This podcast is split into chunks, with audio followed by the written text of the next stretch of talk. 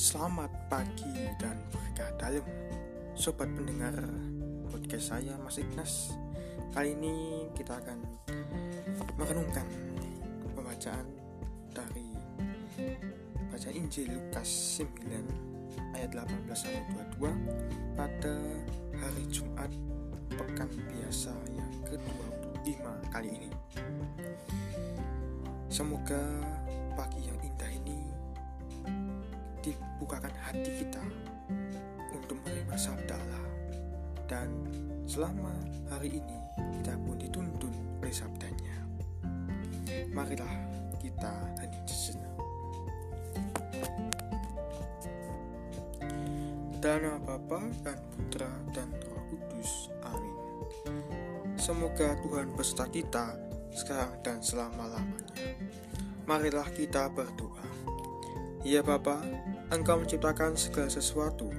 Bantulah kami untuk turut memelihara alam ini dengan pengatakan Kristus Tuhan kami. Amin. Tuhan beserta kita sekarang dan selama-lamanya. Inilah Injil Yesus Kristus menurut Santo Lukas. Dimuliakanlah Tuhan. Pada suatu ketika, Yesus sedang berdoa seorang diri. Lalu datanglah murid-muridnya kepadanya Yesus selalu bertanya kepada mereka, Kata orang, siapakah aku ini? Mereka menjawab, Yohanes Pembaptis. Ada juga yang mengatakan, Elia. Ada pula yang mengatakan, salah seorang nabi dari zaman dulu telah bangkit. Yesus bertanya lagi, Menurut kalian, siapakah aku ini? Jawab Petrus, Engkaulah Kristus dari Engkaulah Kristus dari Allah. Dengan keras Yesus melarang mereka memberitakan hal itu kepada siapa pun. Ia lalu berkata, Anak manusia harus menanggung banyak penderitaan dan ditolak oleh para tua-tua, oleh para imam, kepala, dan para ahli Taurat, lalu dibunuh dan dibangkitkan pada hari ketiga. Demikianlah Injil Tuhan. Terpujilah Kristus.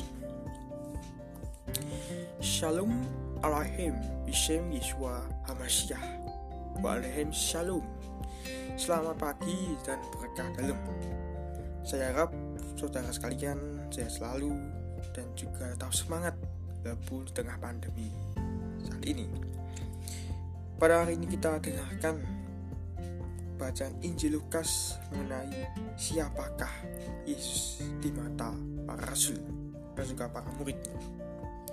Banyak murid mengatakan bahwa ia adalah seorang yang harus membaptis. Ia adalah Elia ataupun salah satu nabi lain. Pemikiran para murid masih sama dengan pemikiran orang Yahudi saat itu. Karena Yesus melihat, mereka melihat Yesus adalah orang yang sangat memberikan mujizat yang sangat begitu hebat di mata mereka. Dan mereka masih melihat bahwa dia bukan sebuah Mesias. Pemikiran Yahudi pada saat itu adalah Mesias adalah melawan penjajahan, mengadakan pemberontakan melawan bangsa Romawi yang menjajah tanah wilayah Yudea sendiri. Namun jawaban Petrus sendiri yang membuat kita pun semakin mendalami Yesus itu sendiri. Petrus mengatakan, Petrus mengatakan bahwa Engkaulah Kristus dari Allah.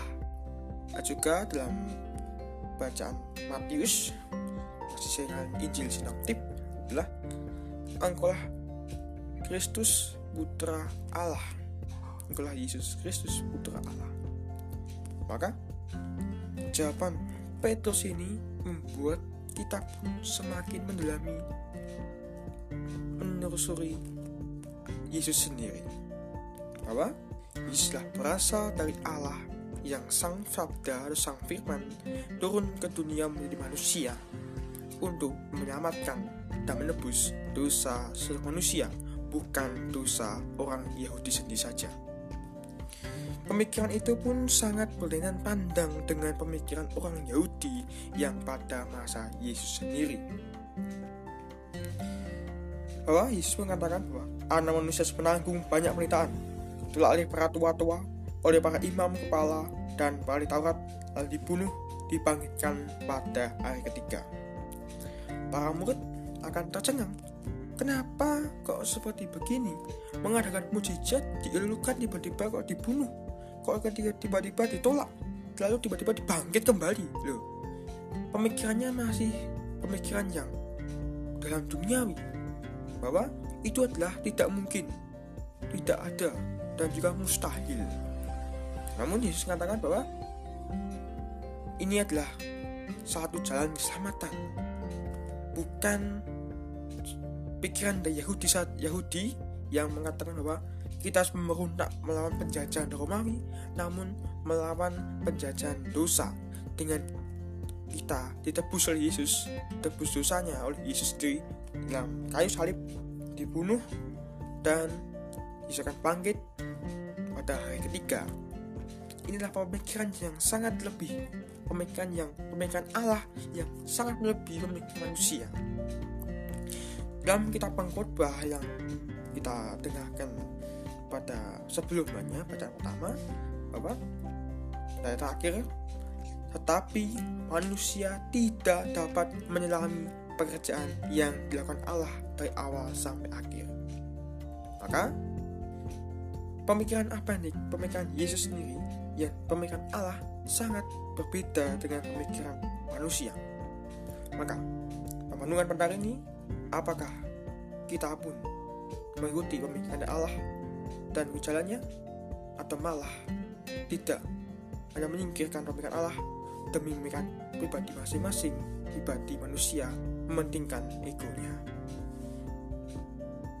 Tapi sebaiknya kita harus mengikuti pemikiran Allah sendiri yang walaupun itu adalah sangat mustahil bagi manusia kita hening sejenak. Marilah kita berdoa. Iya Bapa, Engkau menyerahkan kami melalui sabdamu. Semoga kami makin memahami misteri putra yang menderita wafat dan bangkit bagi kami. Seraya dengan setia mengikuti bimbingannya menuju kepada kemuliaan abadi. Sebab dilah Tuhan pengantara kami. Amin kemuliaan Bapa dan Putra dan Roh Kudus seperti pada permulaan, sekarang, selalu, dan sepanjang segala abad. Amin. Semua orang kudus, doakanlah kami. Semoga Tuhan beserta kita sekarang dan selama-lamanya.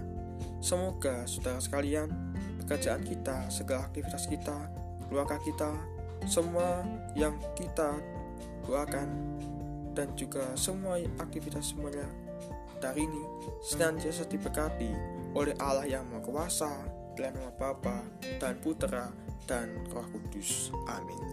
Terima kasih Tuhan memberkati. Selamat pagi, berkah dalam. Jangan lupa bahagia ya. Terima kasih.